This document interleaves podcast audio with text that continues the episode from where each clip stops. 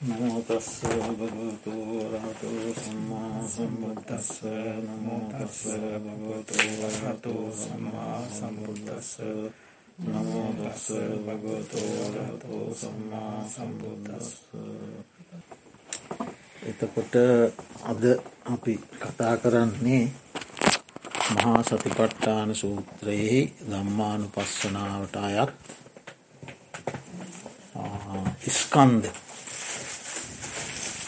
ඉස්කන්ධ අනුපස්සනාව පිළිබඳව. ඒක සූත්‍ර දේශනාවට යන්න කලින් සූත්‍ර දේශනාවේ ඉගෙන්වෙන කරුණුවලට යන්න කලින් අපි පළමුුව ස්කන්ධ කියන්න මොනවාදක තේරුම් අරගන්න එක. ඊට පස්සේ තමයි අපි සූත්‍ර දේශනාවට සාකච්ඡා කරන්න බලාපොරොත්තු වෙන්නේ. එතකොට අපි මුලින් නීවරණ පබ්බ කියන කොටස ඉගෙන ගත්ත. නීවරණයන් හටගන්න හැටි නැසෙන හැටි ප්‍රහාණය වූ නීවරණ නැවත මූපදිනා තත්ත්වයට පත් කරන හැටි ඒව සාකච්ඡා කලා. එතකොට මේ ස්කන්ධ කොටසේදී ස්කන්ධ පහ ගැන තමයි සාකච්ඡා කරන්න. ස්කන්ධ පහ. ඉතින් අපි ඉස්සල්ලා බලමු ස්කන්ධ මොනවාද කිය. මොනවද බලන් ස්කන්ධ පහ කියන්න.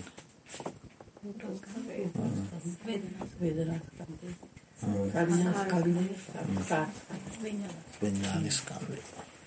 ඒ ස්කන්ධ පහතම්. එතකොට ඒ ස්කන්ධයන් කෙරෙහි කාම දිට්ටි ශීලබ්බත අත්තවාද කියන අතරින් හෝ එකකින් හෝ බැඳීයාම තමයි උපාදාන. ස්කන්ධ පහයි ස්කන්ධ පහට කාම දිට්ටි සීලබ්බත අත්තවාද කියන ඒ වගින් බැඳී යාම උපාදාන වී. ඔතවට උපාදානස්කන්ද. ඔවු ස්කන්ද උපාදානස්කන්ද. උපාදානස්කන්ද. එතකොට අපේ ස්කන්ද ගැන බලමුකො ඉස්සල්ල එක රූපස්කන්දේ. රූපස්කන්ද. මොකක්දේ රූපස්කන්දය කියන්නේ. ඒවත් අයිති රූපස්කන්දයට. ඒතු වරණ ඒකත් එක රූපය වර්ණ රූපය වර්ණ රූපය කියන්නේ රූපයත්නම්. රූපස්කන්දය ඊට වඩා පුළුල් ඔන්න චාතුම් මහා භූතිකෝ චාතුම් මහා භූතිකු. එතන කියන්නේ සතර මහා ඒකට සිංහල අර්ථය දෙන්නේ අටුවාවේ සතර මහා ධාතුන්ගෙන් හටගත්. චාතුම් මහා භූතිකෝ එතොට තව සූත්‍රවල තියෙනවා වෙනස් ක්‍රමය. චාතුම් මහා භූතානං උපාදාය රූප. එතන කියන්නේ සතර මහා ධාතු සහ උපාදාය රූප. සතර මහාධාතු සහ උපාදාය රූප.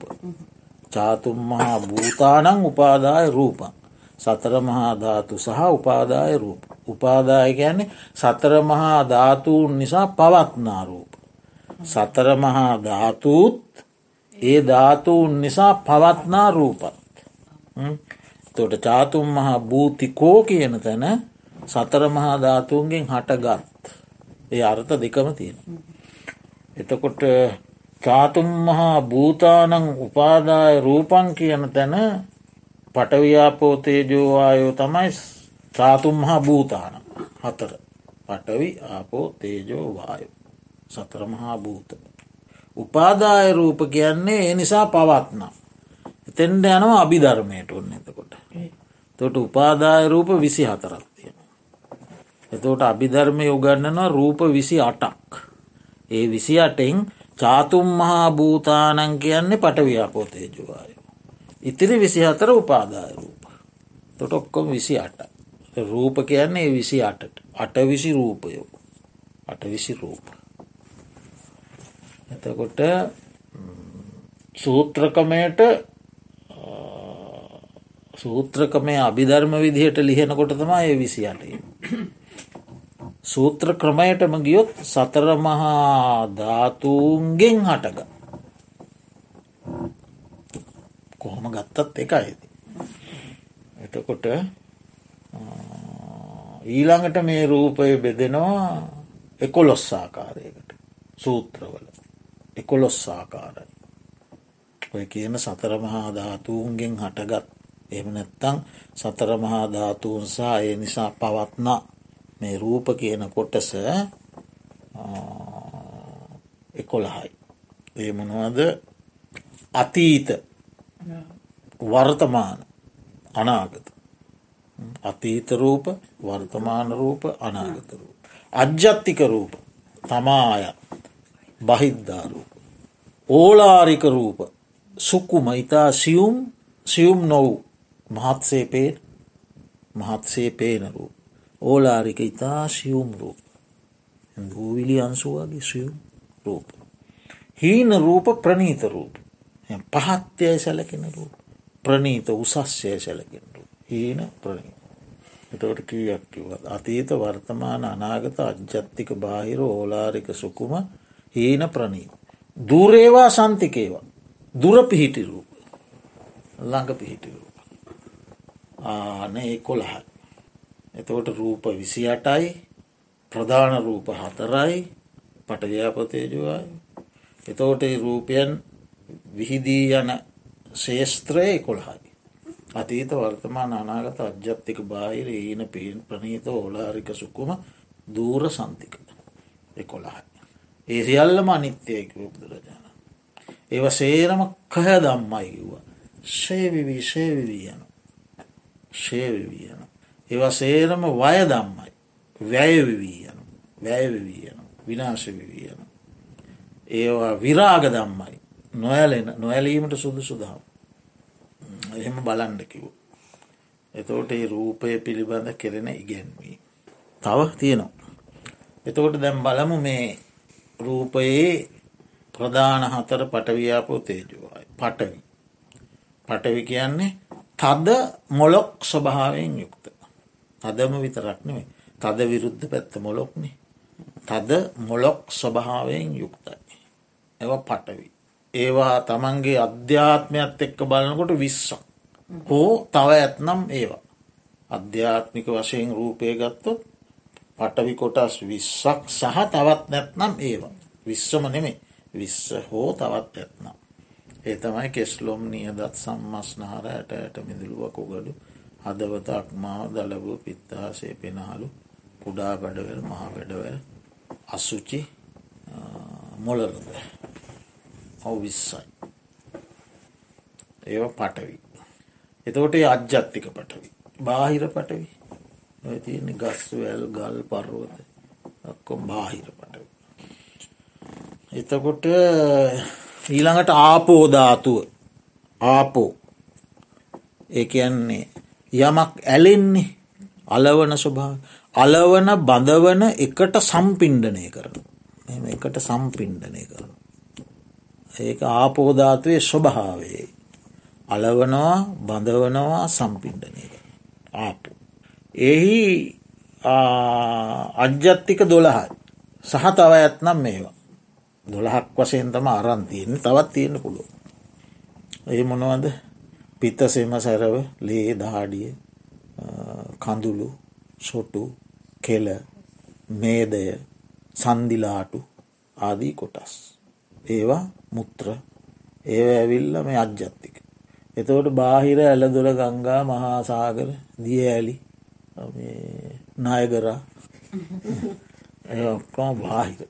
ඇලෙන සුළු ඇල්ලෙන්නම නෙවෙයිනි ඇල්ලෙනවා බැදෙනවා සම්පින්ඩනය ද ඒකින් සම්පින්ඩනය කරන්න පුළුවන් යම පස්්ටික පටවිධාතුවක් අරගෙන ඒකෙන් සම්පින්ඩනය කරේ එකතු කරන්න පුළුව බඳවන්න පුළුවන් අලවන්න වැගිරෙන ඇලෙන බැඳෙන සම්පින්ඩනය කරන වැගිරෙන ස්වභාව. එතවට ඒ අජ්ජත්තික බාහිර. හරි ඊළඟට ඒවත් ඔක්කොම අර කොල්හට යනවා අර කොළොස්සාකාරයට. ඊළඟට තේජෝධාතු තේජෝ උණුසුම දවන තවන ස්වභාවයෙන් යුක්ත දේ. එතම ස්වභාවය. සිසිලත් අයිතියකට උණුසුම සිසිල දවන තවන ස්වභාව. ඒවා තියෙනවා හතරක්. සන්තාපන තේජෝධාතු. අපිට උනේ එහෙම හැදෙන් ශාරීරි කුෂ්ණත්වයක් තියන්නේ අනුවට එලෙසම හතරයිගිය එක එක එක සත්‍යයන්ට වෙනස් වෙනවාන. මනුස්්‍යයන්ට අනුවටයි අතරයි. සත්තුන්ඩ වෙනයි. කුකුලොන්ඩ වෙනයි බල්ලොන්ඩ වෙන එලුවොන්ට වෙන එක එක සත්‍යයන්ට වෙන්න ශාරීරි කුෂ්ණත් ඒක ඉහෙළ ගියාම තමයි උන එකසිය පහට ගිහිල්ලගිය වැඩි බෙහෙත් ජැන්ඩෝන සන්තාපන. ඊළඟට ජිරාපන. මේ ශරීරයේ දිරවන. කෙස් සුදු වෙලා හමරැලි වැටිලා ක්‍රමක්‍රමයෙන් ක්‍රමක්‍රමයෙන් ක්‍රමක්‍රමයෙන් මේ ශරීරයේ දිරවන ස්වභාවය. ජරාවට පත් කරන තේජෝධාතුව. ඊළඟට පරිදහන අත්දැවිල්ල පාදැවිල්ල ඇස් දැවිල්ල ආදී වශයෙන් ඇතිවෙන දැවිලි තැවිලි ස්වභාවයන්තියෙන් ඒ ස්වභාවේ. ඊළඟට පාචක ගන්නා වූ ආහාර දිරවන ස්වභාවේ. ආහාර දිරවන්ඩුව මනා කර. ඒවා ඔක්කොම අජ්ජත්තික තේජෝධාතුව. ට බාහිර තේජෝධාතුව තියෙන්නේ මේ අද හැත්තෑකට ගිල්ල එහෙම යන්න එකසි එකසී එකට විතරත් යන්නේ ඒ එහෙමත් තේජෝධාතු තියෙන. ඊළඟට වායෝධාතුව පිම්බීම සැලීමාදී ඇති කරන වායෝධාතු. ඒ වායෝධාතුවත් තියෙනවා අජ්ජත්තික බාහිර. එතකොට අරේ කොළ හට ගන්නත් පුළුවන්. මේ හතරම අයිති පටවි ධාතුවටනේ. මේ චාතුර මහා චාතුර මහා ජාතුූන්නේ. තකොට එකැන් රූපයනේ. එත රූපයට අයිතිනම් ඒ රූපය කොළහකට අයිතිනම් මේ එක එකකුත් එකොළහට අයිති. රූපය කියන්න මේ එකතුවක්නේ එතකොට ඒ එක එකත් එකොළහට අයිති. එතකොට ඒ වායෝධාතුවේ තියෙනවා හයක් කොටස්. අජ්ජත්තික වායෝධාතුවය කොටස් හයක් තියෙනවා. උද්දංගම උඩට හමන ඉක්කා වැටීම් වමනය ආදී දේවල් ඇතිවෙන්නේ උඩට. ඊළඟට අදෝගම පහතට ගමන් ගන්නා වායු. ආහාර එහෙම පහලට තල්ලුවෙන් අදෝගමවා තව තියෙන අදෝගමවාත ගොඩ ඊළඟට කුච්චිසය. බඩවැල්වලින් පිටත හැසිරෙන වායු. කුච්චිසය. ඊළඟට කොට්ටසය බඩවල ඇතුළත හැසිරෙන වායු කොට්ටසය බඩවල ඇතුළේ අවශ්‍යය ක්‍රියාකාරීත්වය කරන්න යා. බඩවල ඇතුළෙ කරන්න වැඩ තියෙනවන. ආහාරයාට මෙහාට ගෙනියලා දිරවපු ආහාර ඕම තල්ලු කරගෙන ගිහිල්ලා අර මල මල එකතු කරන තැන දක්වා ඒ කාර්යයා කරන බොහොම බොහොම ශෝක්්‍යකට ඒවට තම අපි මම කියන්නේ. මම කියලා ඉන්න හිතන් කියන් ඒවට තමයි. ඊළඟට ආශ්වාස ප්‍රශ්වාස වායු. ඊළඟට අංග මංගානු සාරී ශරීරයේ පුරාම දුවන වායුව. ඒව තමයි ඔය හැදුනම කියන්නේ වාතවේදනා කියලා. විවිධ විද්‍යාත්මක නාම හිටන් දීල තියෙන්නේ ඒවට තම නොෙක් නොෙක් නම් වලින් කියනවන. වාතවේදන හඳුන්වන්නේ. බටහිර වෛද්‍ය ප්‍රතිකාර සිංහල. ඒවා. ආන්නේ සතර මහා ධාතු. ධාතු ස්වභාවයන්නේ පටවි ආපෝ තේජවාය ඒ නිසා පවත්න උපාදායරු ඒ ධාතු හතරසහ ඒ නිසා පවත්න. හෝ එයින් හටගත්. ති මේ ජීවිතය ගැන තමා මේ කතා කරන්න ජීවිතය සහ පරිබාහිර ලෝකයක් ඇතුළත්. ප්‍රධාන වෙන්නේ අපිට ජීවිතය මේ මම කෞුද කියල හඳුනා ගැනීමන. ඉරහඳ හඳුනා ගණ්ඩ කලින්. ලෝකයේ වෙලා තියෙන මම කියල මම කියන්නේ කවුද කියලා හඳුනා ගන්න නැතුව ලෝකයේ හඳුනා ගන්න යනවාන. තොටතා ප්‍රශ්න ගොඩක් පැනනකි මම හඳුනා ගන්න නැතුව ලෝකයේ හඳුනා ගණ්ඩ කියාම මගේ පැවැත්මෙනුවෙන් මල් ලෝකය විනාස කරනවා. ඕසෝන් ස්තරය විනාස වෙනවා. අයිස්කන්ද දිය වෙනවා උස්නත්වය වැඩි වෙනවා. මම හඳුනාගෙන නෑනෙ තෝට හඳුනා නොගත් මගේ පැවැත්ම සඳහා සතුන් විනාස කරන පරිසරය විනාශ කරන ලංකාවේ විසි දෙකයිද කොහොද තියෙන්නේ කැල භූමි භාගේ ඒ විසි දෙකින් වැඩි හරියක් තියෙන්නේ යාපනය උතුරේ. ඒ උතුරේ ඒ විසි දෙක බේරලා තිබෙන එල්ටට නිසා. ඇත ඒකත් නෑ හරි එතට මම හඳුනා නොගත් නිසාන මමත්තාම හඳුනා කරනෑ හඳුනා නොගත්ත නිසා තමයි ලෝකය ඔය විදිහට විනාස මුකයට යන්නේ. ඉතිං යහපතකුත් වෙන අතරේ විනාශයකුත් වෙනවා. ඉතිං කොහොම නමුත් මේ ප්‍රධාන වන්නේ මේ ධාතුූන්ගෙන් හටගත් මේ මම හඳුනා ගැනීම. බාහිර ලෝකයක් මේ ගැන විස්තර වෙනවා. එතකොට ඇයි මේකට රූපය කියල කියන්න. රූපය කියන්නේ ඇයි. රුප්පතීතී රූපක් විකාරත්වයට පත්වෙන. වෙනසට පත්වෙන. මොනවගින්ද වෙනසට පත්වෙන්නේ. සීතලෙන් වෙනස් වෙනවා. උස්නයෙන් වෙනස් වෙනවා. සාපිපාසයෙන් වෙනස් වෙන. හරිනි දැ සීතල කාල එනකොට වෙනස් වෙනවා මේවා. ඇල්ලජී ඇතිනවා කියලා කිය වෙනස් වෙන. උෂ්ණ කාලය එනකොට ආය වෙනස් වෙන. ට බඩගින්න ආවගම වෙනස් වෙන. පිපාසය ආවගම වෙනස් වෙන. ඩන්ස මකස වාතා තප සිරින් සප. ඩන්ස කියල කියන්නේ මැස්සු ඇට මැස්සුවාදී මැස්සංගින් වෙනස් වෙන විද්ධ ගමන් වෙනස් වෙන මේ ඔො ඔය කියන්නේ අන්න මේ මෙසේ කවුද? සීගිරී යනකොට බඹරු විදලා කියලා කිය නිස්පිරිතාල මේ ඉද්දිමිලා ඉන්න. වෙනස් වෙන රුප්පනය වෙනවා.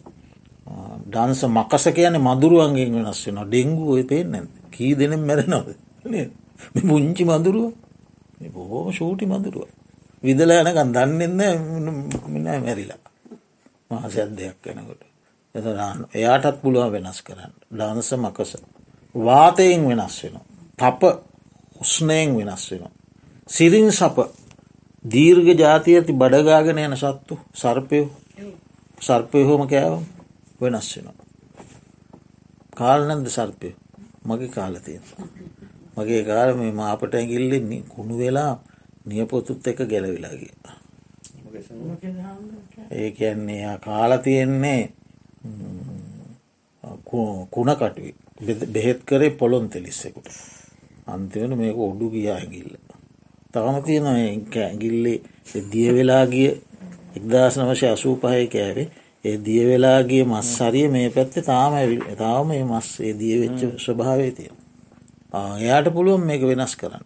එයා අපිට වඩ කොච්චර පුංචිද බෝම් පොඩි එයා වෙනස් කරනවා. එතවට අන්න එහෙම රුප්පනය වෙනවා. රුප්පතීතී රූප වෙනසකට පත්වෙන. විකාරත්වයට පත්වෙන. බිඳිලා යනවා. ඒ රුප්ප කියන වචන තියෙන බිඳෙන අර්ථයක් තියෙන. අන්න එනිසා එකට රූප කියලා කියනවා. එතකොට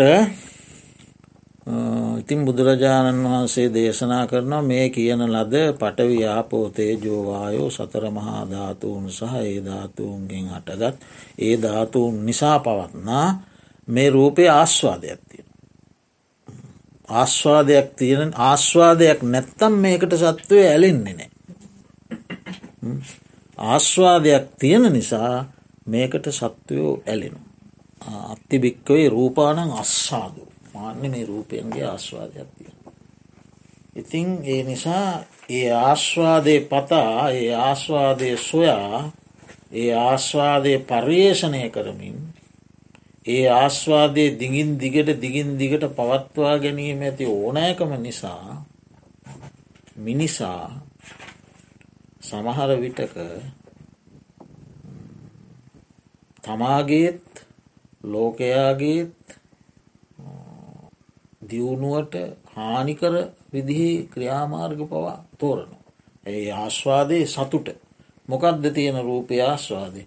රූපය නිසායන් සුවයක් සොම්නසක් ලැබෙනවනම් ඒක තම ආශ්වාද. සුවය සොම්නස්. එතවට මේ රූපය ආදීනවයක් තියෙන. මොකදද රූපය ආදීනවේ මේ රූපය අනිත්‍යයි. මේ රූපය දුකයි. මේ රූපය විපරිනාම දම්ම. මේ රූපය පෙරලී යනසුළි. අන්‍යතාභාවයට පත්වෙන. මවකුසේ පිළිසිඳගත්තේ මොහොතේ ඉඳලා මේ චාතුම්මහා භූතික රූපය නිරන්තරයෙන් වෙනස් විය. වෙනස් වියන. මුල්කාලයේ සිදුවෙන වෙනස්වීම අපිට පේන්නේ දියුණුවක් විදියට. වැඩීමක් දියුණුව ඉදිරියට යෑමක් විදියට.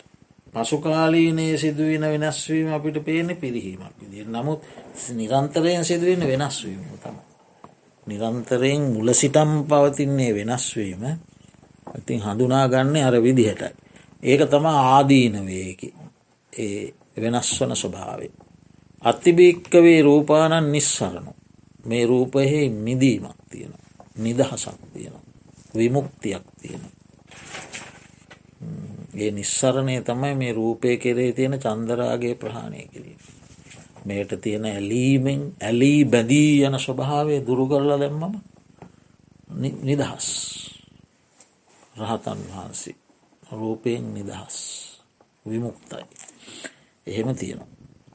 තිං බුදුරජාණන් වහන්සේ දේශනා කරනවා ඒ නිස්සරණයක් තියෙන නිසා තමයි සත්වයෝ මේ රූමේ නික් මිලායන් බුදුරජාණන් වහන්සේ නික්මිලාගේ නිස්සරණ ඇත්තියෙන් නිසා. ආදීනව බලල නික්මිලාගේ.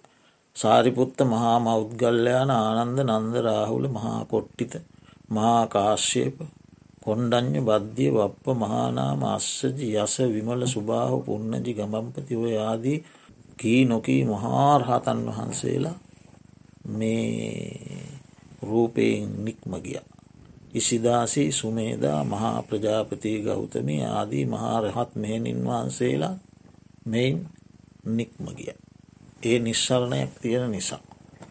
ඉතින් මේ බුදුරජාණන් වහන්සේ දේශනා කරනවා මේ රූපස්කන්දය පනවන්නට හේතුව මෙහෙම ස්කන්දයක් තියෙනවා කියලා පනවන්නටත් හේතුව ප්‍රත්‍යයක් තියෙන. හේතුව ප්‍රත්තිය මේ සතර මහාධාතු තමයි. සතර මහා ධාතුූන් තමයි රූපස්කන්දය පනවන්ඩ හේතු පනවන්ඩ ප්‍රත්ති. ඉතිං මේක හරියට පේන පින්ඩූපම පෙන පිඩකට උපමා කලා බුදුරජාණන් වහන්සේ. මේ රූපස්කන්දය. මෙතන වැඩි වශයෙන්ම මේ කියන්නේ අජ්ජත්තික රූපය අපි රූපස්කන්දය. ගංගානම් ගඟ. ගංගා නම් ගඟ. මහත් පෙන පිඩක්. පෙනවලින් හදන බුබුලක් පෙන පිඩ පෙන පිඩක් මෙහෙම මතු කරන ගංගා නම් ගඟ. මෙම පෙන පිඩක් මතු කරාම ඇස්සඇති පුරුෂයෙක් ඒක දකින අන්දේකුට පෙන්නේ ඇස් ඇති පුරුෂයෙක් ඒක දකිනු ඇස් ඇති පුරුෂයා ඒ පෙනපිඩ ගැන සිතනෝ ඊට පස්සේ පුරුෂයා ඒ පෙනපිට නුවනින් පරීක්ෂා කරනවා. දැක්කට මදි. දැක්කා සිතුව.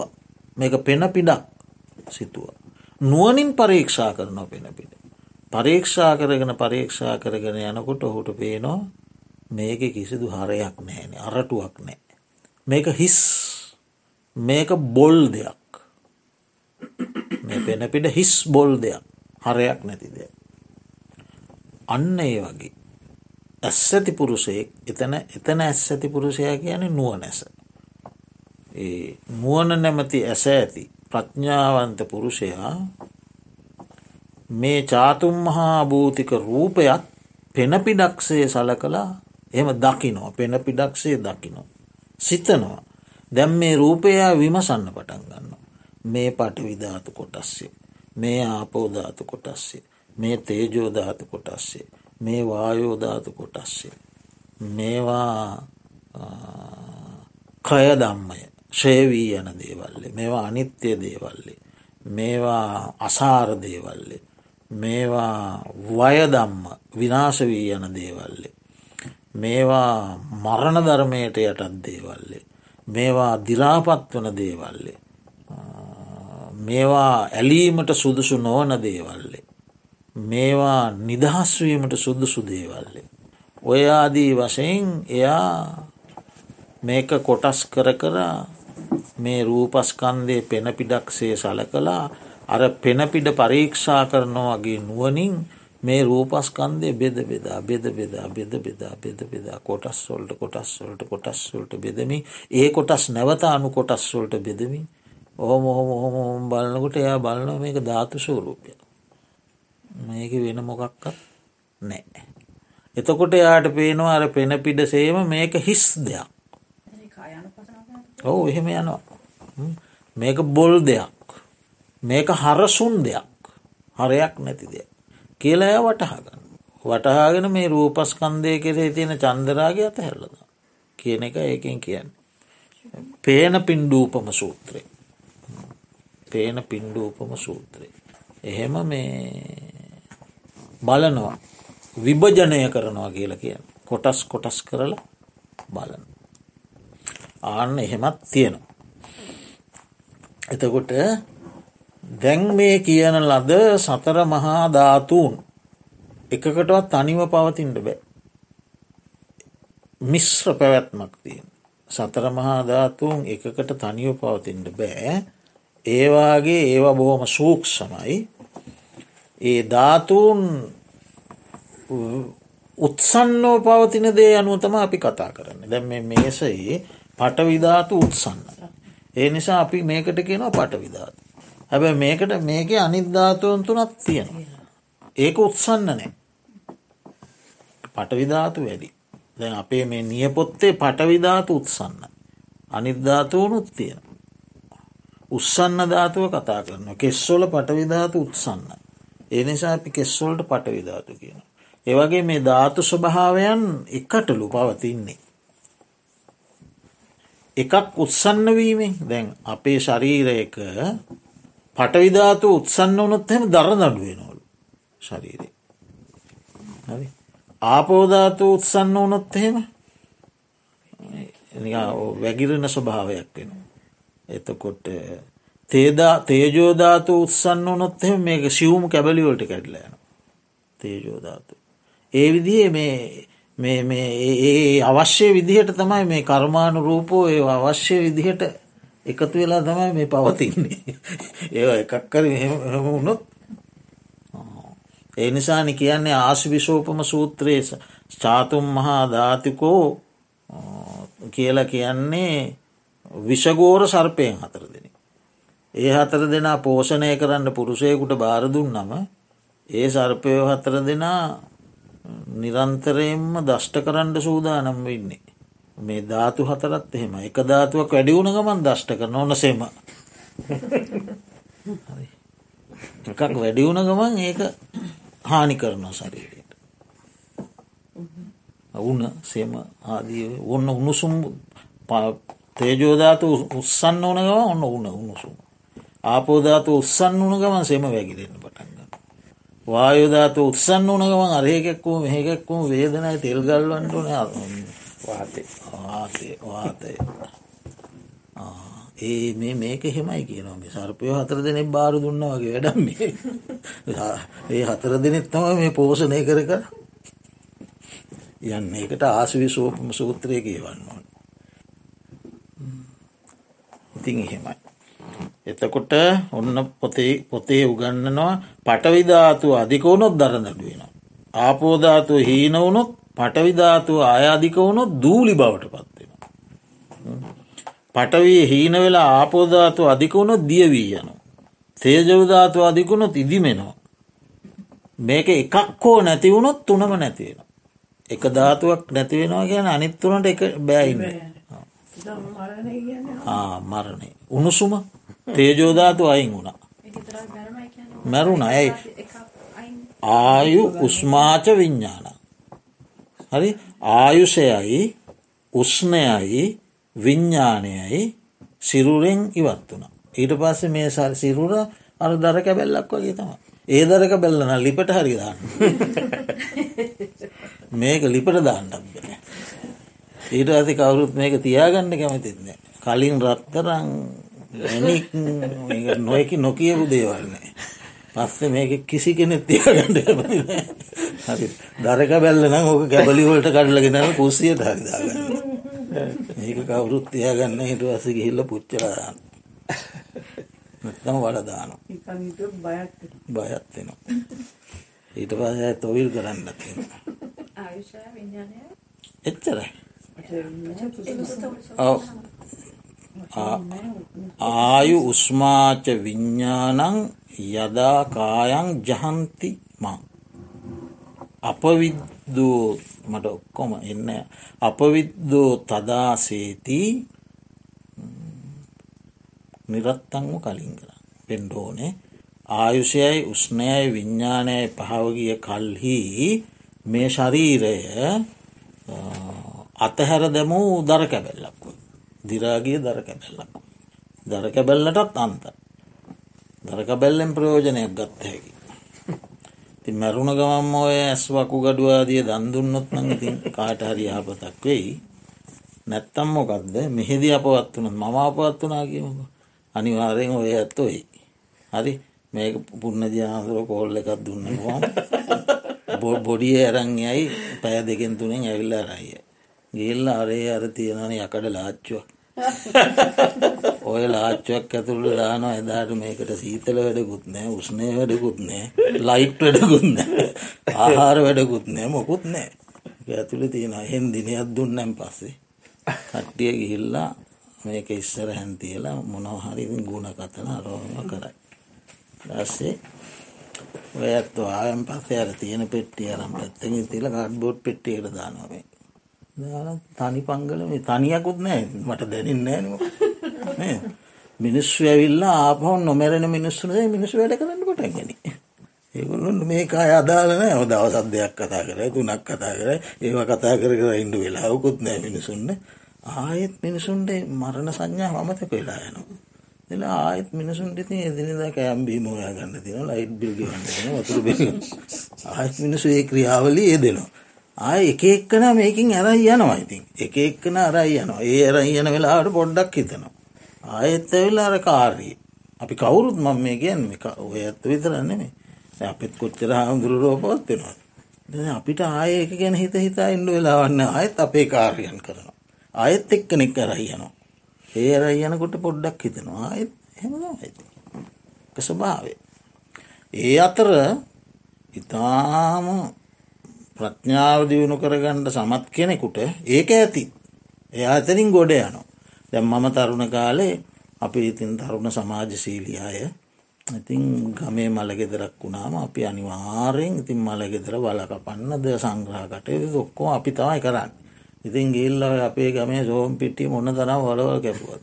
වලවල් කපනකට මේ ඇට කැබලියනවා ඒ මට මේ ඊයේ හිතුනා ඒ ඇට මට ඒකාලෙ ප්‍රඥාව තිබ්බන ඒ ඇට කැබැල්ලෙන් මට නිවන් දකි හරිද?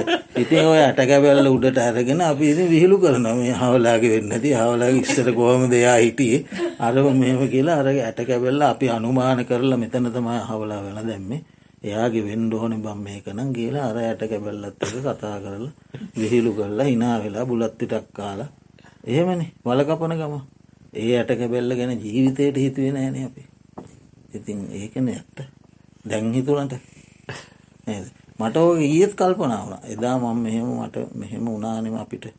ඉතින් එදා මට ඒ මගේ බුද්ධිය වර්ධනය වෙලා තිබ්බනම් මට ඒ ඇට කැබැල්ල ඇති සසර නිදහස්වෙන්ට අවශ්‍ය ශක්තිය ඒක තියෙනවා. එහෙම වර්ධනය වෙලා නෑන තවම අපි එතන නෙවෙයි ඉන්නේ. අපිට අන්ඩ තියෙනවා බොහෝ කියලා ඉතින් මට හිතුණා. ඉතින් මේ ඒ විදිහයි. ඉතින් මේකේ දැන් ඒ රූප උපාදානස්කන්දයහෙමයි ඔන්න ඔය කරුන් ටික තමයි. රූපස්කන්දය උපාදානන මේ ත උපාදානටාවෙන මෙන්න මේ නිසා තමයි රූපස්කන්දය රූප රුප්පනය වෙන වෙනස් වෙන සීත උස්නාදීන් විකාරයට පත්වෙන මෙහෙම ස්වභාවයක් තියෙනවා. රූප. ඊළඟට වේදනායිස්කන්ද වේදනා ස්කන්දෙත් බුදුරජාණන් වහන්සේ සංයුක්ත නිකායේදී අර කොළහම දේශනා කළා. හරි අතීත වේදනා අනාගත වේදනා වර්තමාන වේදනා අජ්‍යත්තික වේදනා බාහිර වේදනා ඕලාරික වේදනා සුකුම වේදනා හීන වේදනා ප්‍රනීත වේදනා දුරපිහිටි වේදනා දූරේ සන්තිකි ළඟ වේදනා.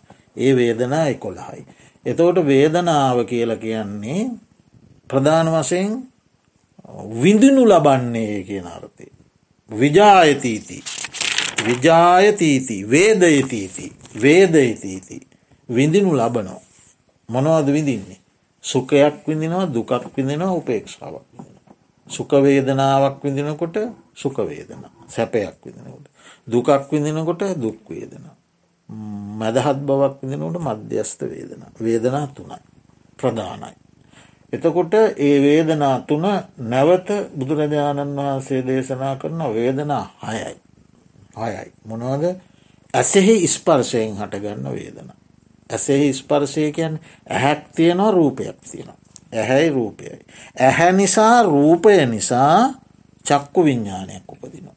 ඇහැයි රූප ඇහැ නිසාත් රූපය නිසා චක්කු විඤ්ඥානයක් උපදින. ඒ තුන එකට එකතුවීමට කෙන ස්පර්ශය. චක්කු සම්පස්සේ තුන එකට එකතුනා චක්කු සම්පස්ස. ඒ චක්කු සම්පස්සේ නිසා ඇතිවෙනවා වේදනාවක්. එකට කියෙන චක්කු සම්පස්සජ වේදන. ඒ විදියට කණ නිසා සබ්ද නිසා සෝත විඤ්ඥානයක් ඇතිවෙන. ඒ තුන එකතුනා කණයි ශබ්දයයි සෝත විඤ්ඥානය එකතුනා ඒකට කියෙන සෝත සම්පස්ස. කනෙහි ස්පර්ශය. කනෙහි ස්පර්ශය නිසා වේදනාවක් කටගත්.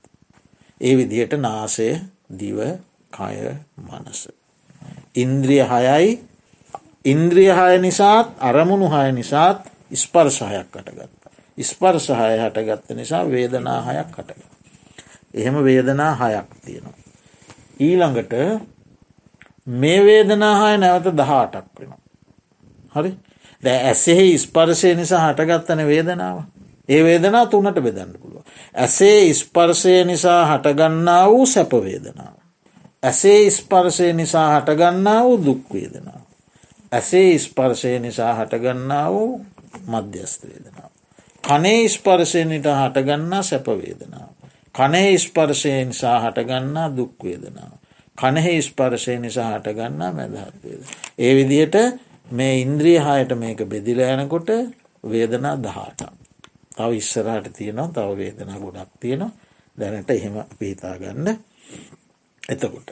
බුදුරජාණන් වහන්සේ දේශනා කරනවා අත ඇති කල්ලි මේ අත තියෙනකොට ගැනීමක් පේනවා. බිම තැබීමක් පේනවා. අත අත තියෙන නිසා ඔන්න ගැනීමක් තියෙනවා. බිම තැබීමක් තියෙනවා. ඒ වගේ ඇස ඇති කල්හි ඇස ඇතිකල්ලි වේදනාවක් තියෙන. ඇසේ පහස ඇස ඇතිකල්ලින ඇසේ පහස. ඇස ඇස ඇස තියෙන නිසා තම ඇසේ ස්පර්සය හටගන්න. අත ඇතිකල්ලී ගැනීමක් තියෙනවා බිමතබීමක් තියෙනවා. ඇස ඇතිකල්හි ඇස් පහස නිසා සුවදුක් උපදින. කන ඇතිකල්හි කනේ පහස නිසා සුවදුක් උපදින. සුවදුක් විතරන්නේ මැදහත් ඔක්කො. ඒ විදිහට නාසේ ඇති කල්හි නාසෙහි ස්පර්ශය නිසා සුවදුක් ඒව උපදින. ඒ විදිහට. මේවා තියෙන හල් මේවා තියෙන කල්ලි. ඇස කණනාසේ දිවකයි මනස. තියෙන කල්හි ස්පර්ශය ඒ නිසා වේද. ඊළඟට සුකවේදනාව නිසා අපිට බොහෝ ඇතිවෙන්නේ රාගානුසේ. දුක්කු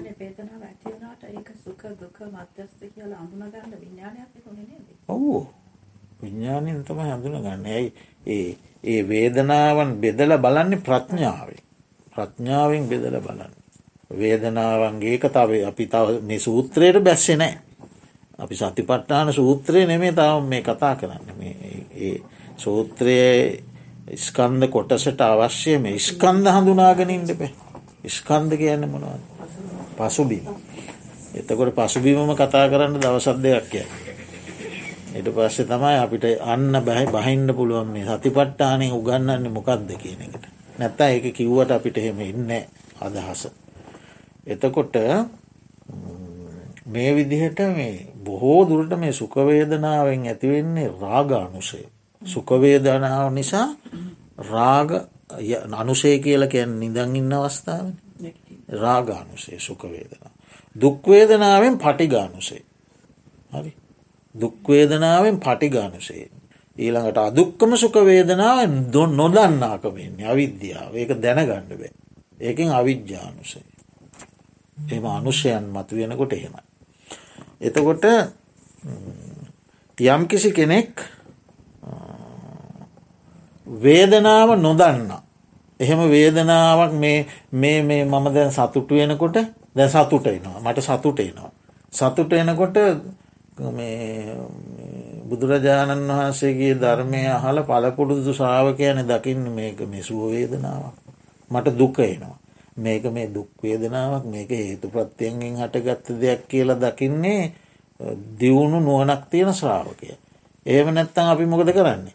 සැපවේදනාව එනකොටම සැපවේදනාව අවිද්‍යාවෙන් විඳින්ට යන. විඳින්ට එනකොට රාගානුසේ ඔන්න මතු වෙන. ඇ වේදනාව දන්නේන වේදනාව දන්නෙන්න වේදනාව හඳුනන්නෙන්න වේදනාව මෙනෙහි කරන්න දන්නෙන්න. එයා සුව වේදනාව බොහොම සතුටෙන් පිළි අරගෙන එයා තුළ රාගානුසේ මතුවෙන. දුක්වේදනාව විදිනකොට එයා දුක්වේදනාවත් දන්නේ නෑ. දුක්වේදනාවේ නිස්සරණයක් දන්නෙන්න හටගැනීමත් දන්නෙන්න මොකක්වත් දන්න ඇය. එතකොට එයා දුක්වේදනාව ආපු ගම ලෙහි පැහරාඩනවා ඉසාත බඳාගෙන අඩනවා. ඉතින් එය දුක්වේදනාව තුළින් පටි ගානුසේ ගෙන්න්න ගන්න. අදුක්කම සුක වේදනාවත් එය දන්නේ ඒ නිසා එයා තුළ අවිද්‍යාව පවතිනවා.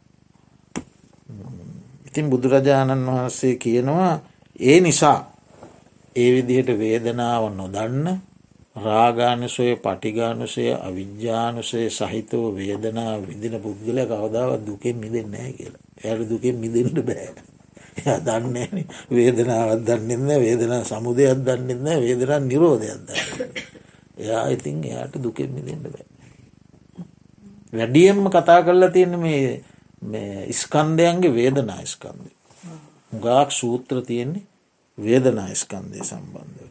ඒ නිසා බුදුරජාණන් වහන්සේ දේශනා කරන සුකවේදනාව දුක් වසයෙන් බලන්ඩිකි. එක දුකක් විදිහයට දකින්න. දුක්වේදනාව උලක් විදිහට දකිට උලකින් ඇන්න ඇන්න මැතිවෙන වේදන උලක් විදිහයට දකින්න. නොදුක් නොසුව මධ්‍යස්ථ වේදනා සුවත් නැති දුකත් නැති වේදනා ඒක බලන්ඩ කිව්වා අනිත්‍යය වශයෙන්. හැබැයි මේක වෙනම පොදු එක නමුත් බොහෝ තැන්වල සියලු වේදනා නිත්‍යය වශයෙන් බලන්ඩ කියලත් තියෙනවා. මේක විශේෂ දේශනාව. සුකවේදනාව දුක් වසයෙන් බලන්න දුක්වේදනාව උල් වසයෙන් බලන්න නොදුක් නොසුව වේදනාව අනිත්‍ය වශයෙන් බලන්න. නමුත් වෙනත් සූත්‍රවල සැමවේදනාවක් මානිත්‍යය වශයෙන් බලන්න කියපු අවස්ථාත් තියෙන. එතකොට අන්න එහෙම බලනවන. දුක් වශයෙන් උල් වශයෙන් අනිත්‍ය වශයෙන් බලනකොට එයා තෘෂ්ණාව සිඳිනවයි කියන. තෘෂ්ණාව මුලිනු පුටාදන දමනෝ. ඊට පස්සෙයා මරණින් පස්සේ සත්වයක් කියන පැනවීමට යන්නේ නෑ. ඒගැන සත්වයක් කියල පැනවීමක් අය නෑ යාගේ මෙතනින් ඉවරයි කියන එක. අය සත්වයක් කියල පැනවීමක් නෑ අපිට තියෙනවා පැනවීම. අය එක්කො ප්‍රේතෙක් එක්කෝ මනුෂ්‍යයෙක් එක්කො දෙවියෙක් එක්කො නිරිසත්වයෙක් මොකක්කරි පැනවීමත් තියෙනවා. අර වේදනාව එහෙම බලන කෙනා තෘෂ්ණාව සිඳල දාලා පැනවීම නවත්තලා අය පැනවීමක් නෑ. ඊළඟට බුදුරජාණන් වහන්සේ දේශනා කරනවා අශ්ෘතවත්. අශ්ෘතවත් කියන්න ශෘතය සම්පූර්ණ කරලන තතාගත දහම ඉගෙනගෙනනේ. එහෙම ඉගෙනගෙන නැති පුහුදුන් පුද්ගලය. ආර්යන් දැකලනේ ආර්යන් හඳුනාගෙනනෑ අරිය ධර්මය ඉගෙනගෙන නෑ ආර්යන්ගේ ධර්මයෙහි දක්ෂනෑ සත්පුරුෂයන් දැකලනෑ සත්පුරුෂයන් හඳුනන්නෙත් නෑ සත්පුරුෂ ධර්මය ඉගෙනගෙනත් නෑ සත්පුරුෂ ධර්මයෙහි දක්ෂත් නෑ. එහෙම අශ්ෘතවත් මනුෂ්‍යයා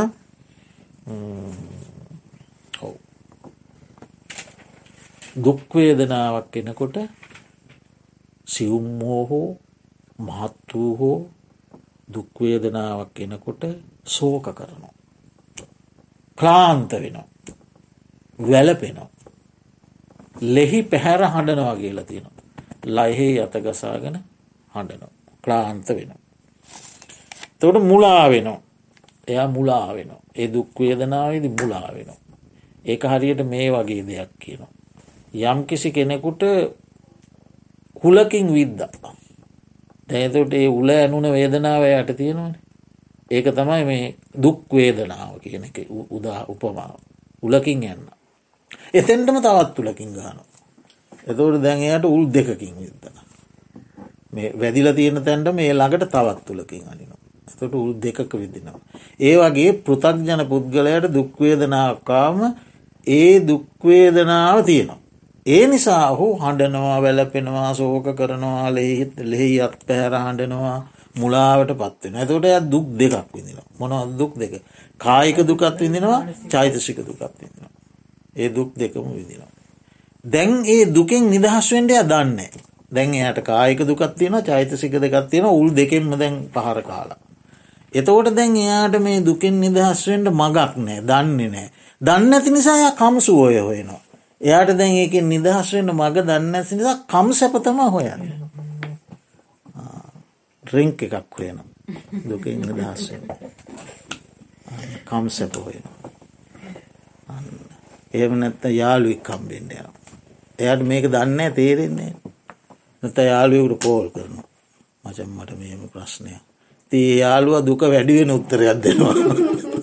එයාට තේරෙන්න එයා දන්න දුක මිදහස්සනේද සත්පුරුෂයකුට කතා කරන්න දන්න ඒ වගේ මහාදයකුට කතා කරන එයත් දෙනවා ඒ විදිහ මුත්තරය හරිද? එයා දැන් දුකින් නිදහස්වෙන්ට දන්න ඇති නිසා ඔන්න එය කම්සැප හොය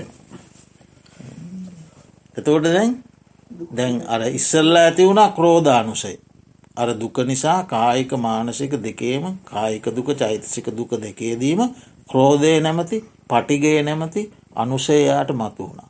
ඒක විසඳාගන්ට කමසුප කමසවය වෙනකොට ඔන්න එයාට මතුවෙනවා රාගානුසේ. දැම් පිළිගත් දැම් මේ කෝධානුසේ ක්‍රෝධානුසයෙන් මිදන්න යටපත් කරන්න හොයන්ට දෙයක් එය දන්න එය හොයන්න කම්සැප. එතකොට රාගානුසේ මතුවෙන. බලන්න ලෝකයට ලෝකයගෙන මේ කතාගත ලෝකය ගෙන අපි. අපි අපි සමූහය ගැන කතාගත ඔන්න මිදන්න දන්න ඇතිකම නිසා වෙන වරද. රසේ යට කම්ස පැහැර වෙන විසඳ බන්න ඒක හොයනවා. ඉතින් දුකෙන් මිදන්නේ එය දුකත් එක්ක පැටලි පැටලි ඉන්නවා.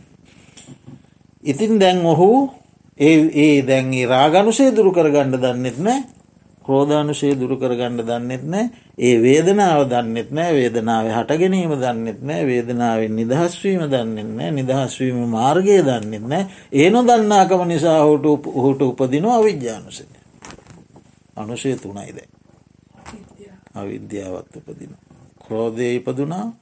රාගය ඉපදුනා. අවිද්‍යාව ඉපදුනා. දැන් ඕ ක්ලේෂ උපදින වේදනාවෙන් උපදිනවා.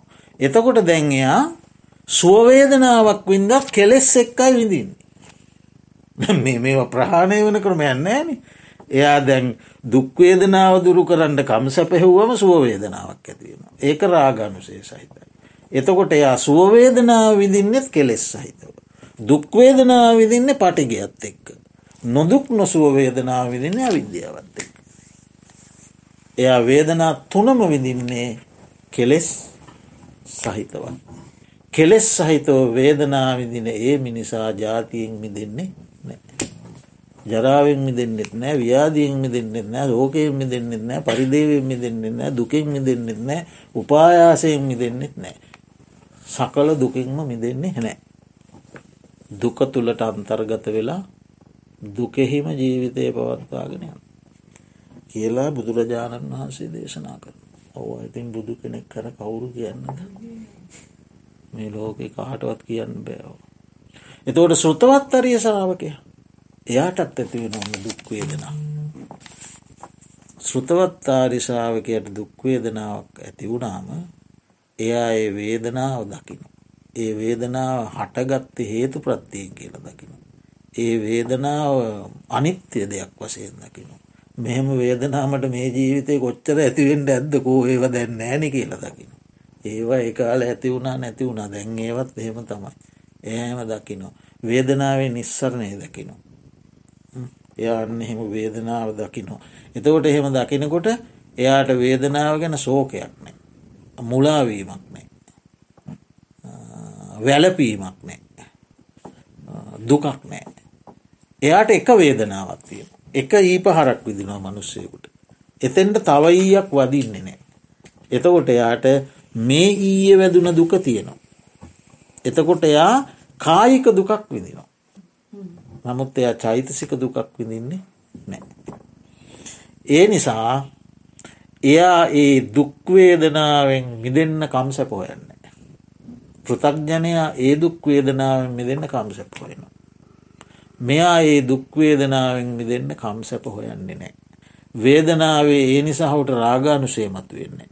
වේදනාවේ හටගැනීම විනාශය නිරෝධය නිරෝධගාමිනී පටිපදාව ආස්වාදය ආදීනවේ නිස්සරණය ඔක්කොම ඔහු දකින නිසා ඔහුට අවිද්‍යානුසය උපදින්නේ හරි එතෝට එයා ඒ වේදනා විදින්න කෙලෙස් සහිතුව නෙවෙයි. කෙලෙසුන්ගෙන් තොරව ඒ වේදනාවේ සැබැහැ ස්වරූපය දකිමින් වේදනා විඳි නොය. මට හරි අමාරුයි කියල ස්වාමීන් වහන්සේලයි නේද කොච්චර ඉන්නවාද. බුදුරජාණන් වහන්සේ ගිහිල් අහන්නේ කොහොමද දැන් නුඹට වක්කලිය සීලයේ කුකු ශක්තියනවාද නෑස්වාමී වේදනාවන්ගේ අඩුවක් පේනවාද? සමනයවීමක් පේෙන් නැද්ද? අනේ නෑ ස්වාමීනී මගේ වේදනාව අඩුවන්න වැඩිවීමක් මයි පේන්නේ. ආර්ය ශ්‍රාවක හරි. එතවට උන්වහන්සේලා කෙලෙසුන්ගෙන් තොරයි. තොරව ඒ වේදනාව විදි නො උන්වහන්සේලාට චෛතසික දුකක් නෑ. තින් උන්වහන්සේලාට ඒ නිසා රාගානුසේ නෑ පටිගානුසේ නෑ ඒ වගේම අවිද්‍යානුසේ නෑ ඒ නිසා සෝකයක් දුකක් නෑ ඔහුන් ඒ අය ජාති දුකින් ජරාව්‍යාදි මරණ සෝක පරිදේව දුක්ක දෝමනස් උපායාස සහ සියලු සංසාර දුකින් නිදහස් අන්නේමයි. ඊළඟට බුදුරජාණන් වහන්සේ දේශනා කරනවා මේ වේදනා තුන අනිත්‍යයයි සංකතයි සංකතයි කියෙන් හේතුවන්ගෙන් හටගත්ත. මේ සුක දුක් උපේක්ෂා ත්‍රිවිධ වේදනාවෝම අනිත්‍යයි. දැන් හිතල බලන්නකු දැන් ඔන්න මට වයසවුරුදු හැටයි. ම ඉඳල හිටල බල නොහෙම දැන් ඉස්කෝල යන කාලේ සෙල්ලම් කරා පොට්ටික දැම්ම ගඟට ගියා ගල්මල්ලොයි සට්ටේ ගලවලක් පැත්තකට දැම්ම මහට කන්නෙත් නෑ පොට්ටික හෝම දාපු ගවන් කොල්ලොත් එක ගියන්න. ඇව්වාරයට පින්නවා මේට පින්නවා ගල්මල්ලට යන නටනවාද ඉනාවුනා සතුටු න මොකක් කන්නේ ඒ කාල් කොච්චර සැප වේදනාවක් වෙන්නද? උන රස්සාවල් කරා කොල්ලොත් එක එකතුනා විද්දා පෙරහැර බලන්න ගියා. ඒ කාලෙ සතුටුනා මොකක්වන්න. ඊය සතුටුනේ වදනෑ ඒවා අද නැනෑ උදේ හිත උදේ නැගිටිනකොටම සාමාන්‍යෙන් හිතෙන සංකල්පනා තියෙනවා දැ ඒක නෑනද ඒ සංකල්පනාව දැන්න. එහෙම මේ බැලුව හාම අපි තව අවබෝධය කර ආව නැති වුණාට අපිට එහෙම බලන්න පුළුවන්. එතෝට ඒ විදිහට සපවේදනාවක් වෙත්නම් මේ අනිත්‍යය දෙයක්.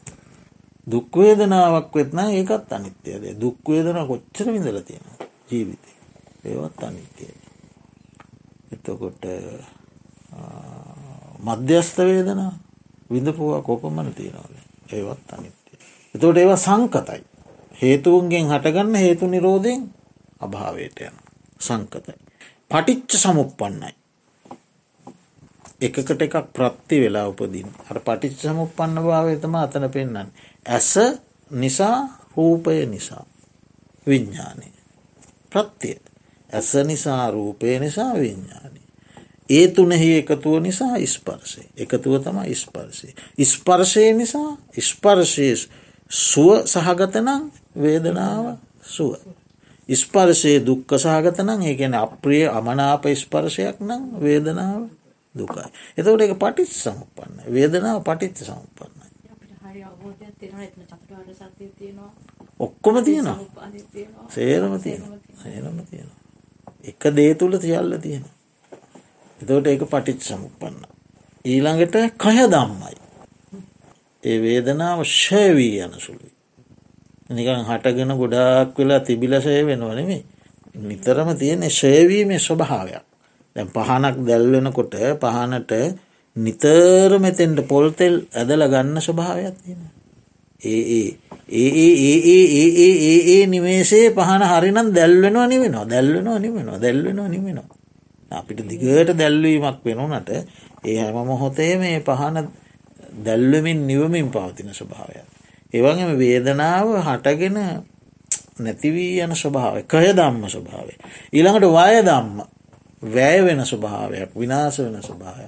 විරාග දම්ම නොඇලිය යුතු ස්වභාවයක් තියෙන. නිරෝධ දම්ම නිරුද්ධ වී යන ස්වභාවයක් තියෙන. එහෙම බුදුරජාණන් වහන්සේ දේශනා කරනවා. වේදනාවන්ගේ ස්වභාව. හරි බොහොම සරල උපමා බුදුරජාණන් වහන්සේ දේශනා කරන. දඩු දෙක එකට ගැටීමෙන්. දඩු දෙකක් එකට ගැටුණ එකතු වුණ උණුසුමක් කට ගත්ත ගින්දරක් කට ගත්ත. දඩු දෙක වෙන් වුණා උණුසුමගින්න හටගන්නේ නිවිලයන.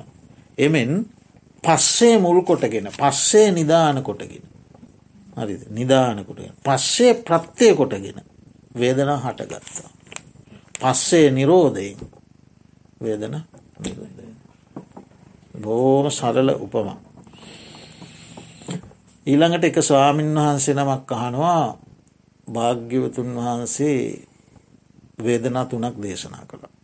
ඒ වේදනා තුනේ ඒ වේදනා තුනේ සැපවේදනාවත් දුකක් බව දේශනා කළ.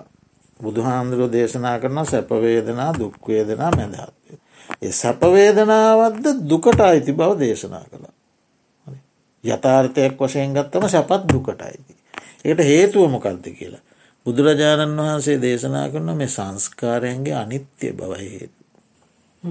සැපවේදනා දුකට ඇතුළත් කරලා දේශනා කළේ සැපවේදනාව අනිත්‍ය බව නිසා. ඔව් සංස්කාරයන්ගේ අනිත්‍ය භාව නිසා ෂය වය විරාග නිරෝධ දම්ම නිසා විපරිනාම නිසා. වෙනස් වෙන නිසා තමයි මම ඒ සැපවේදනාවක් දුකට ඇතුළත් කරලා දේශනා කළේ. ඒක ස්තීර සදාකාලික පවතින සැපවේදනාවක් නම් එහෙම කියන්න හේතුවන්නේ. එහෙම එකක් නෑ. නමුත් සැපවේදනාවක් තියෙනවා. හැබැයි යථාර්ථයක් වසයෙන් ගත්තම එකත් අයිති අනිස බව නිසා දුකට අයිති. ඊළඟට දේශනා කරනවා අහසේ නොඒ ආකාරයේ සුළං හමනෝ. අහසේ පෙරදිගින් එෙන සුලන්තියන. බටහිර දිගින් එන සුලන්තියන නෑ බටහිරෙන් එන සුලන්තියන. දකුණු දිගින් එන සුලන්තියන. උතුරු දෙසින් එන සුලන්තිය. තව අතුරු දිසාවලින් එන සුලන්තියන. සීතල සුලන්තියන. මේ තාටිකක් කල් ඉස්සරහට යනට උණුසුම් සහිත සුලන්තිය. දූවිලි සහිත සුලන්තියන. දූවිලි නැති සුලන්තියන. ඊළඟට මද ප්‍රමාණයෙන් හමන සුලන්තියන. අධිකෝ හමන සුලන්තියන. මේ අහසේ නන් වැදෑරුම් සුලන්තියන. ඒ වගේ මහන්නන මේ ශරීරයේ නන් වැදෑරුම් වේදනාව උපදිනවා කිව. අහස වගේ මේ කාරයට. අහස වගේ පලන්නක බුදුරජාණන් වහන්සේ. පුදුම දේවල් නිදේශන අන්න එතකොට එයා ඒක දකිනවන මේ සිරුර එහෙම වේදනා හටගන්නා ස්ථානයක් කියල හෙම දකිනවා නම් එයා වේදනාවන් පිරිසිඳ දැනගෙන මරණින් මතු සත්වය කියන ප්‍රඥප්තියට යන්න ඇකිව එතනින් පුළුවන්කිව. අහසේ හමන හුළංවලින් බලන්නක මේ ජීවිතය අවබෝධ කරගන්න. හරිද? දැන් කර්මස්ථානය ඇද මේක? දැ අපි අපි සම්ප්‍රදායක කර්මස්ථානවලට යටවෙලා නින්නේ. හරිද? මම මේ කර්මස්ථාන වැරදි කිය නොනෙමේ නමුත් අපි සාම්ප්‍රදායක කර්මස්ථාන තුළ හිරවෙලා නොසිට.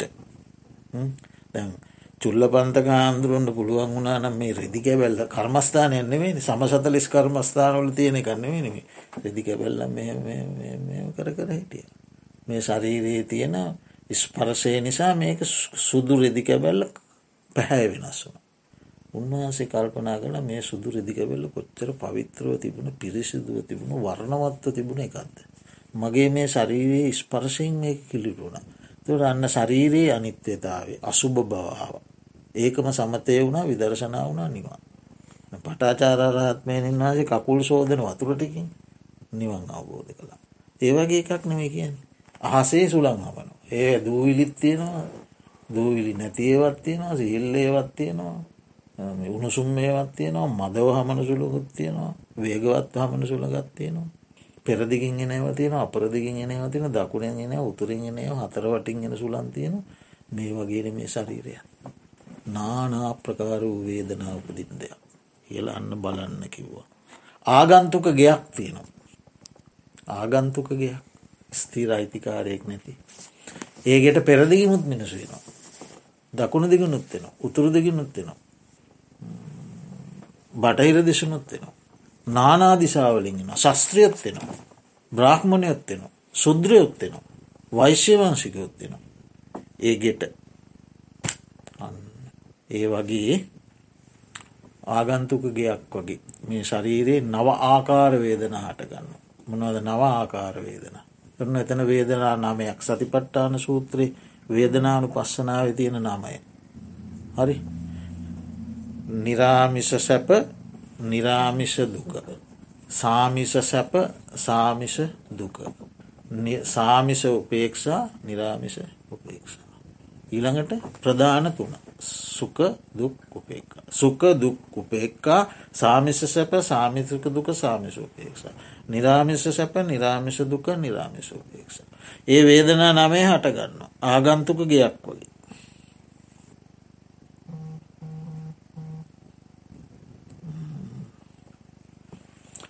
ඉතින් මේ දැන් කොහොමද වෙලා දෙකයි. වේදනා කොටස ඉවර කරමු ඉක්මනින්. අවිනාඩි බෑනේ තව විනාඩි බෑ. එනම් මෙතකින්